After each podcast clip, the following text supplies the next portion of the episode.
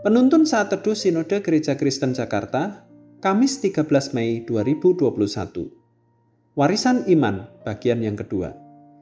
2 Timotius 1 ayat yang kelima berbunyi demikian, Sebab aku teringat akan imanmu yang tulus ikhlas, yaitu iman yang pertama-tama hidup di dalam nenekmu Lois dan di dalam ibumu Yunike, dan yang aku yakin hidup juga di dalam dirimu.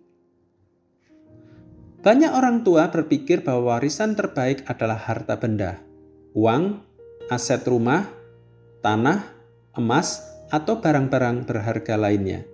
Biasanya warisan itu akan dibagikan secara merata sesuai dengan jumlah anak mereka.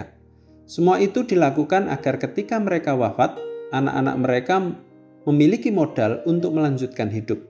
Memberikan warisan ini tentu tidak salah. Sayangnya, banyak keluarga yang bertikai karena masalah warisan. Akhirnya, tujuan orang tua yang baik jadi ternodai karena keserakan anak-anak. Ada warisan lain yang lebih berharga dan bernilai kekal daripada sekadar warisan harta benda. Warisan itu adalah iman. Timotius, salah seorang anak muda yang dididik oleh Rasul Paulus, juga merasakan manfaat dari adanya warisan iman yang teguh. Paulus menulis, "Imanmu yang tulus ikhlas Pertama-tama hidup di dalam nenekmu Louis dan di dalam ibumu Yunike.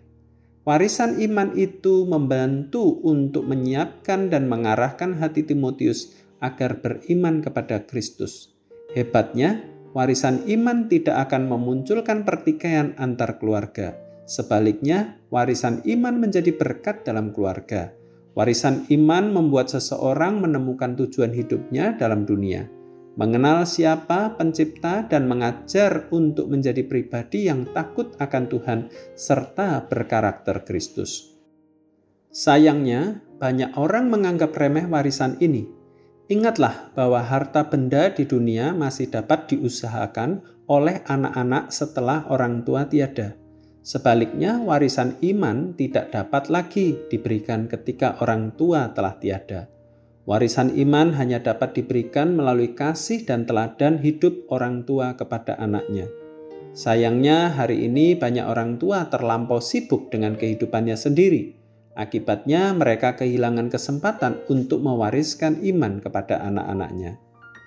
Ingatlah, warisan terbaik bukanlah harta benda, melainkan iman kepada Yesus Kristus. Tuhan Yesus memberkati.